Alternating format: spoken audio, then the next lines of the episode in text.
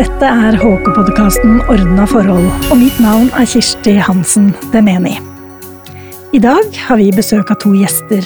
Den ene er Martin Kolberg, som er valgt som stortingsrepresentant for Buskerud. Han har hatt ulike roller i Arbeiderpartiet i en mannsalder, og var partisekretær fra 2001 til 2009. Den andre gjesten er forbundsleder i HK i Norge, Trine Lise Sundnes. Hun har også hatt ulike roller i fagbevegelsen. Først i HK, så satt hun i LO-ledelsen i tolv år, og nå er hun forbundsleder i HK. Velkommen, begge to. Takk for det. Takk skal du ha.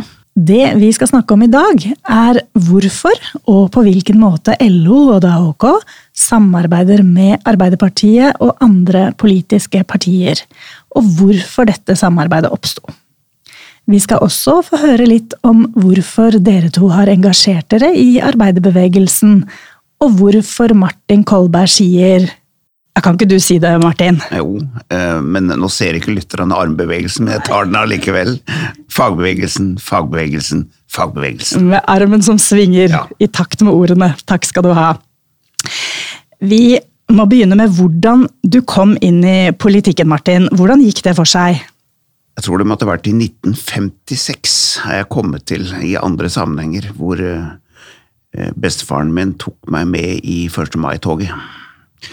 Eh, det var jo på bondebygda i Lier. Og eh, toget gikk jo da langs jordene, faktisk, ned til et forsamlingslokale. Og der stoppa vi ved hver bonde som da pløyde på jorda, eller var ute på jorda, og spilte Internasjonalen. Og da sa bare bestefaren min sånn er med den saken. Og det, det, har jeg sagt i en del andre sammenhenger òg, som er litt bevegende, merker jeg, hver gang. Fordi Eh, jeg lærte det sosialt. Og det som er veldig viktig for hele norske arbeiderbevegelse, som vi forskjellige måter skal snakke om i denne, denne, samtalen, det er jo at vi er ikke en intellektuell bevegelse. Vi er en sosial bevegelse. Og vi er en bevegelse som har røtter ute blant befolkningen, og tar ansvar for befolkningens utvikling, arbeidstakernes utvikling i Norge. De fagorganiserte, og det jeg vil kalle for arbeidsfolk. Eh, og eh, den motoren er den som har gått inni meg gjennom alle år, og som er den som er grunnen til at jeg virkelig har beholdt entusiasmen gjennom disse 46 åra. Jeg skjønner også at du har vært fagorganisert nesten hele livet. Eh, hvorfor har du valgt å være det? Nei, det, en, det, du, det, det kommer av seg sjøl, i, i, mitt tilfelle. Så kommer det bare av seg sjøl. Og det var, var, Jeg har tenkt på det. Eh, det var i 1967. Meldte meg inn i Norsk Skotøyarbeiderforbund som var da på Romika skofabrikk i Lier, som den gangen var en stor suksess. Dere, er, alle, dere andre her er for unge til å huske det, men jeg husker det godt. Da Romika-skoa kom, var det en revolusjon.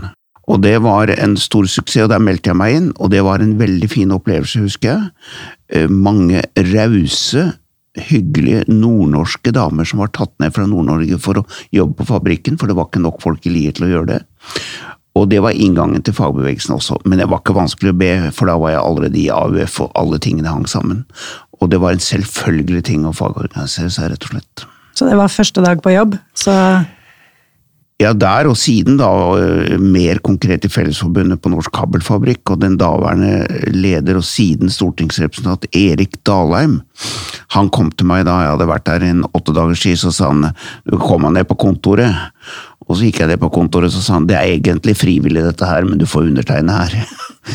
og eh, det var heller ikke vanskelig å be, og jeg ble raskt nestleder i klubben, og vi var sammen, og eh, siden har det vært både parti og fagbevegelse. Trine Lise, du, eh, kan ikke du si litt om hvordan ditt engasjement i fagbevegelsen starta? Det starta på, på arbeidsplassen. Etter videregående så hadde jeg vel som som mange andre på den alderen, eh, litt sånne korte jobber som eh, i privat tjenesteytende sektor jo kan være så som så, for å si det enkelt. Men når jeg da fikk meg ordentlig jobb, så eh, hadde jeg erfart såpass at eh, det var eh, fint å bli en del av eh, fagforeninga på arbeidsplassen. Der var det tariffavtale, men så er jeg litt utålmodig, da, så skal du få noe gjort og du skal videre, så må du engasjere deg. Så det var inngangen inn. Der var det som, som Martin sier, enkelt å bli medlem, både i forhold til veldig, veldig gode kolleger, men også Eh, tilnærminga her er vi organisert, eh, så vi eh, vil at du også skal være med. Så har du også engasjert deg i Arbeiderpartiet. Fortell litt om det òg. Du, det gjorde jeg litt sånn i voksen alder, i motsetning til, til Martin, da, som, som har AUF-historien. Jeg må nok innrømme at i begynnelsen, når jeg ble engasjert i fagbevegelsen, så var jeg nok blant de som var, tenkte at det var greit å fint å eh, være eh, Ikke være medlem av noe parti. Men der tok jeg ganske feil, fordi det jeg jo så, det var jo at jeg kunne løse en del på arbeidsplassen med tariffavtalen.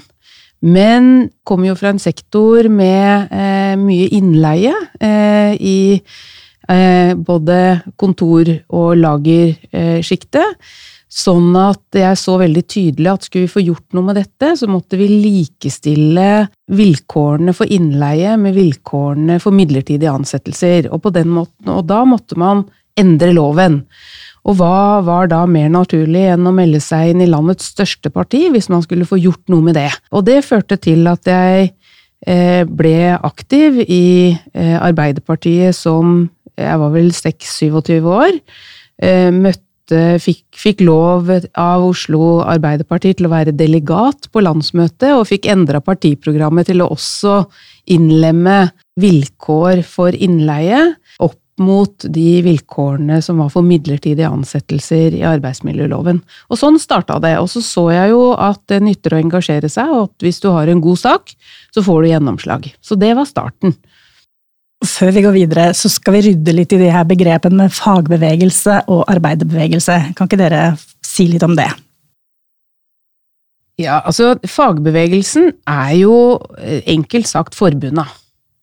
Eh, når vi inkluderer arbeiderbevegelsen, så er det jo forbundene Og nå har det jo blitt mer og mindre partiene som deler fagbevegelsen verdisyn. Jeg vet ikke om du, om, om du er bekvem med den tilnærminga, Martin, men, jo, eh, men Absolutt. Ja.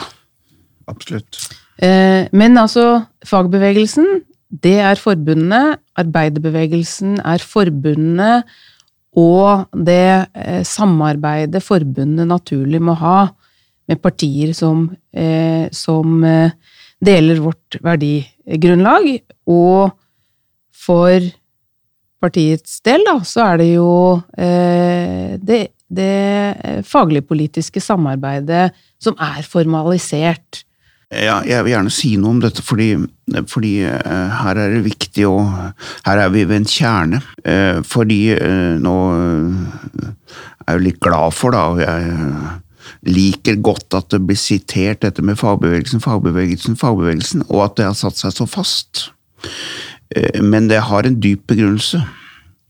Eh, og det er at eh, for norske fagorganiserte og norske lønnstakere i dag, så gjelder det en lov nå som alltid. Og det er at deres makt og innflytelse og muligheter i samfunnet er basert på to grunnleggende forhold. Det ene er tilslutning til de partiene som støtter dem, og legg merke til at jeg nå sier partiene som støtter dem, for det kan være flere partier på venstresida som kan støtte dem. Slik at jeg sier ikke entydig Arbeiderpartiet her, men det er liksom det ene sporet.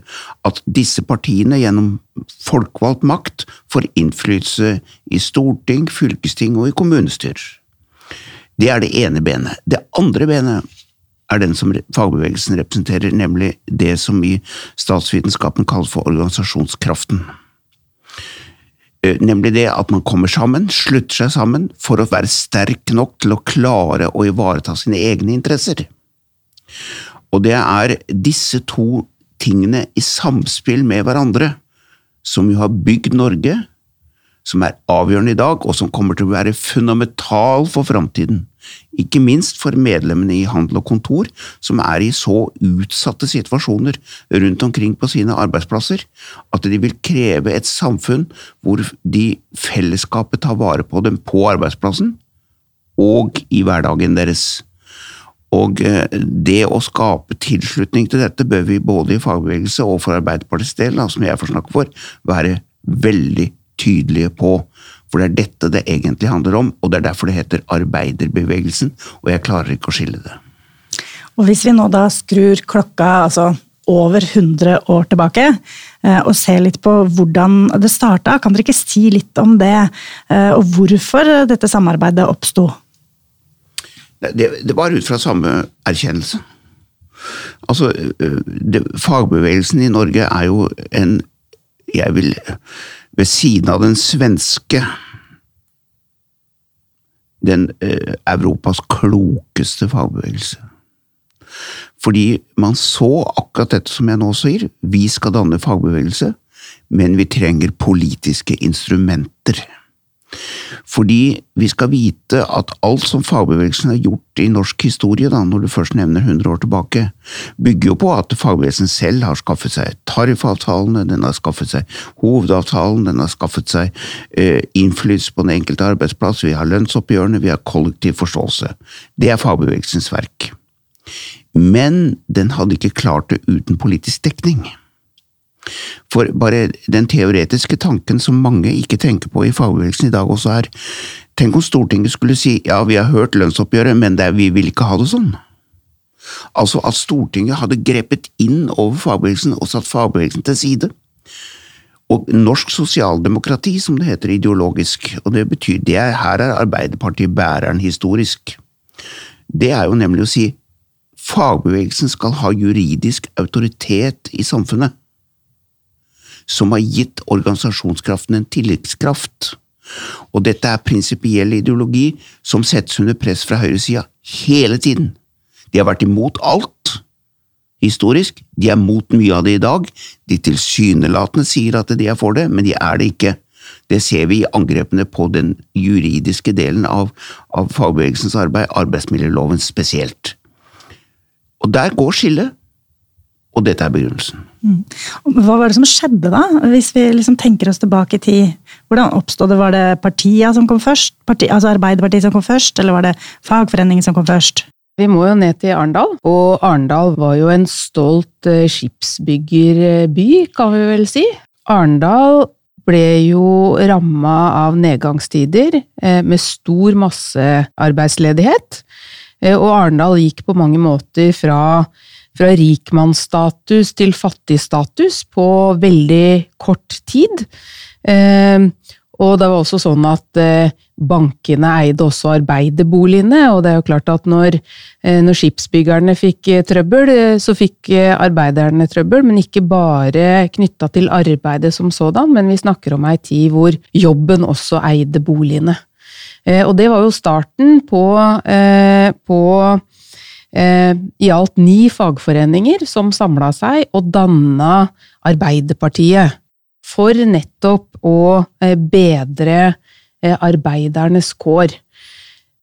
Og det var jo også sånn at det var først tolv år etter stiftelsen av eh, Arbeiderpartiet at LO på mange måter sprang ut av partiet hvis du snur det på hodet, så kan man si at Arbeiderpartiet forvalta fagforeningene i, i den spede begynnelsen. Men vi må egentlig tilbake til 1848 for starten. Også til vårt forbund, faktisk. Fordi det var da man begynte på en måte å se veldig, veldig tydelig eh, disse forskjellene mellom de som hadde mest, og i norsk sammenheng de som hadde mer eller mindre ingenting. Eh, legge til én ting som det er vanskelig å, å, tenke på i dag, eh, fordi vi lever i en slik eh, materiell velstand. Men det var jo to forhold som brakte fram dette. Det konkrete var faktisk at Arendal var konkurs, sånn som Trine Lise sier her, og som utløste et raseri og en forskrekkelse i den aktuelle stedet. Men det var bare et tidsspørsmål før det hadde kommet. Hadde det ikke kommet i Arendal på det tidspunktet, hadde det kommet et annet sted ganske fort. Fordi ved siden av den materielle nøden, så var det jo en humanistisk klasseforskjell. Det var forskjell på folk. Noen var bedre enn andre, per definisjon. Og det var klart det var en sosial fornedrelse som ikke kunne fortsette, og som skapte et sosialt sinne, kan du si, som bidro til den konkrete aktiviteten for å etablere Arbeiderpartiet, men også fagbevegelsen. Hvem kom først, spiller egentlig i dag ingen rolle, men det var veldig klokt at man forsto det som jeg har vært inne på, man måtte ha både en fagbevegelse og en politisk gren. Så da, da, skjønner vi at det var ganske tette bånd her da, i starten. Men hvordan er det med de båndene i dag, mellom LO og HK da, og Arbeiderpartiet? Det fagligpolitiske samarbeidet har jo endra seg over tid. Og det fagligpolitiske samarbeidet må jo ikke være der av hensyn til samarbeidskomiteen. Det må jo alltid være sånn at de måtene vi velger å organisere vårt samarbeid på våre foreninger på osv., handler om de måla vi setter oss. Nå nevnte du samarbeidskomiteen, kan du si litt mer om hva det er? Ja, altså Samarbeidskomiteen er jo et formalisert samarbeid mellom eh, Arbeiderpartiet og LO. Samarbeidskomiteen møter sånn, ja, annenhver uke eh, og diskuterer problemstillinger som fra LO-siden vi er opptatt av, og fra Arbeiderpartiet Arbeiderpartiet er opptatt av. Det er utrolig viktig for oss som fagbevegelse at vi har et parti som faktisk forstår de problemstillingene fagbevegelsen står overfor eh, egentlig fra dag til dag og uke til uke. Og dere bruker også dette uttrykket faglig-politisk samarbeide. Si litt om hva det egentlig betyr. Ja, hva betyr det egentlig? Jo, det betyr egentlig at det er et samarbeid som har til hensikt å ivareta de fagorganisertes interesser. Det er det det egentlig betyr. Det er jo fra høyresiden en veldig propaganda mot at dette er en form for ja, Fremskrittspartiets folk kaller det for politisk korrupsjon. Eh, at, at folk fra LO sitter i Arbeiderpartiets sentralstyre og sånn. Men det er jo for å undergrave legitimiteten til dette samarbeidet, fordi de vil ha et annet samfunn. Og vi, eh, hvis du spør eh, hvor viktig er dette i dag, ikke sant. Det er akkurat like viktig som det alltid har vært. For det finnes en lov som jeg vil gjerne at HKs medlemmer, som, uh, de som hører på denne, de, dette, denne samtalen, tar med seg. Det er at ingenting er vunnet for bestandig. Det er ikke slik at det er de rettighetene vi har i dag, faglige, politiske eller ute i samfunnet, altså at de kan sende ungene sine på en skole uten å betale for den, for å si det veldig enkelt. Eller ikke enkelt heller, men altså si det presist. Det er ikke en selvfølge. Det er resultat av politiske vedtak som er arbeidet ut med fagbevegelsen, og for mitt vedkommende med Arbeiderpartiet historisk. Og det settes under press. Bare ta i dag en fundamental sak som kommer til å bety mye for framtida. Pensjon fra første krone. Tenk på hva slags Det har jeg vært med på i Stortinget. Vi argumenterer for det. Og da de borgerlige partiene stemmer det ned helt i sin historiske tradisjon, og det viser hvor viktig det fagligpolitiske samarbeidet er. Kan dere si litt om eh, hva Arbeiderpartiet og LO sammen har fått, fått til opp gjennom åra? Hvis vi liksom tenker oss tilbake fra den gangen du var 15 år og ble fagorganisert på Romika. Hva har skjedd? Ja, øh, nå har jeg faktisk lyst til å si vi har fått til alt. Altså, det er et altfor pompøst uttrykk, så jeg trekker det for så vidt tilbake, men jeg har lyst til å bruke det ordet likevel. Fordi det samfunnet vi lever i i dag, er jo altså et samarbeid med befolkningen, for den norske befolkningen er en seriøs og arbeidsom befolkning. Vi hadde ikke klart det hvis kulturen i det norske samfunnet hadde vært annerledes. Så det har vi bygd på. Så befolkningen har vært med på dette og gjort sin daglige dont, for å si det slik. Men arkitektene, det er oss. Altså arkitektene som har tegna tegninga om at vi skal ha et sivilsamfunn, som heter, altså hverdagssamfunnet, bygd på fellesskap. Det at vi skal ha, være likeverdige, at vi skal ha like muligheter og like rettigheter, og at vi skal ha muligheten til å kunne si at neste generasjon skal ha det bedre enn meg. Og slik har det jo vært kontinuerlig siden andre verdenskrigen. Og heller ikke det er en selvfølge. Og vi har fått et arbeidsliv som i lange perioder har vært så stabilt at internasjonal kapitalisme strømmer til Norge, for det er her det er vellykket med tanke på verdiskapning. Så vi har fått verdiskapning og rettferdighet i samfunnet som er unikt. Så det har vi fått til. Men etter de uh, seks åra vi nå har hatt med høyreregjering, så ser vi hvordan de skjærer dette samfunnet i, i, i skiver. Helt systematisk. Jeg nevnte dette med, med, pensjon fra første krone, som de altså nekter en million arbeidstakere. Det burde jo vært et mye større raseri enn det det er, og det bekymrer meg ganske mye at det ikke er et større raseri. Og alle de kuttene som vi nå ser på sosiale tiltak som rammer de som sitter nederst ved bordet, det er vi tilbake til den gamle kampen som vi er nødt til å fortsette å kjempe. Så min appell til HKs medlemmer det er ikke være ukritisk i forhold til Arbeiderpartiet, men engasjer dere politisk. Jeg har lyst til å også understreke, for jeg pleier nettopp å si det når eh, vi er rundt på møter med forbundets medlemmer. Nettopp engasjer dere politisk, vær aktiv politisk. Og så sier jeg, altså legger jeg alltid til Martin, arbeidstaker først. Fordi det handler om at det er de beslutningene forbundet sammen setter seg på vårt landsmøte, som man skal ta med seg inn i de politiske partiene og prøve å sette spor.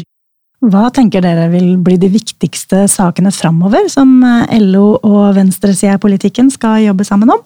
Jeg tror vel kanskje først og fremst tanke på stortingsvalget 2021, så tenker jeg at det er utrolig viktig at Arbeiderpartiet nå tydelig klarer å forene utfordringene vi har knytta til klima og miljø, og hele produksjonen, om du vil, knytta til norsk industri.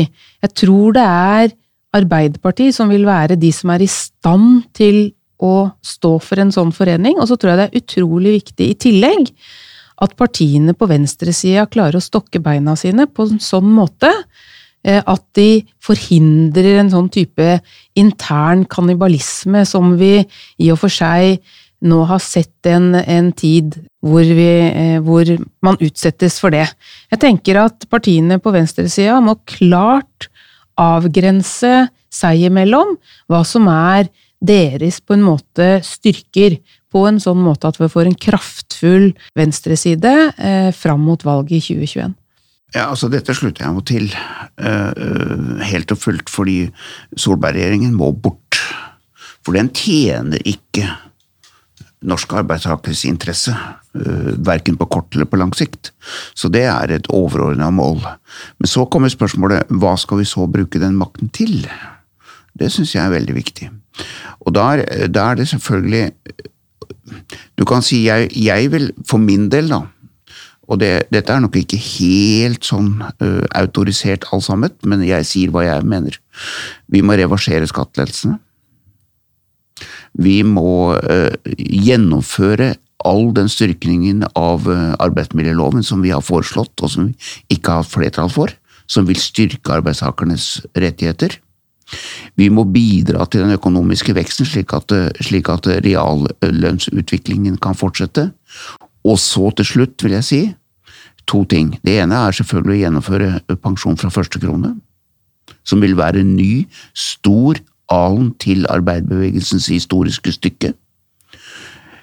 Til sist, men ikke minst, så står vi overfor jo en grunnleggende utfordring som er en sosialdemokratisk utfordring, og det er at vi må gå inn og håndtere miljøutfordringene.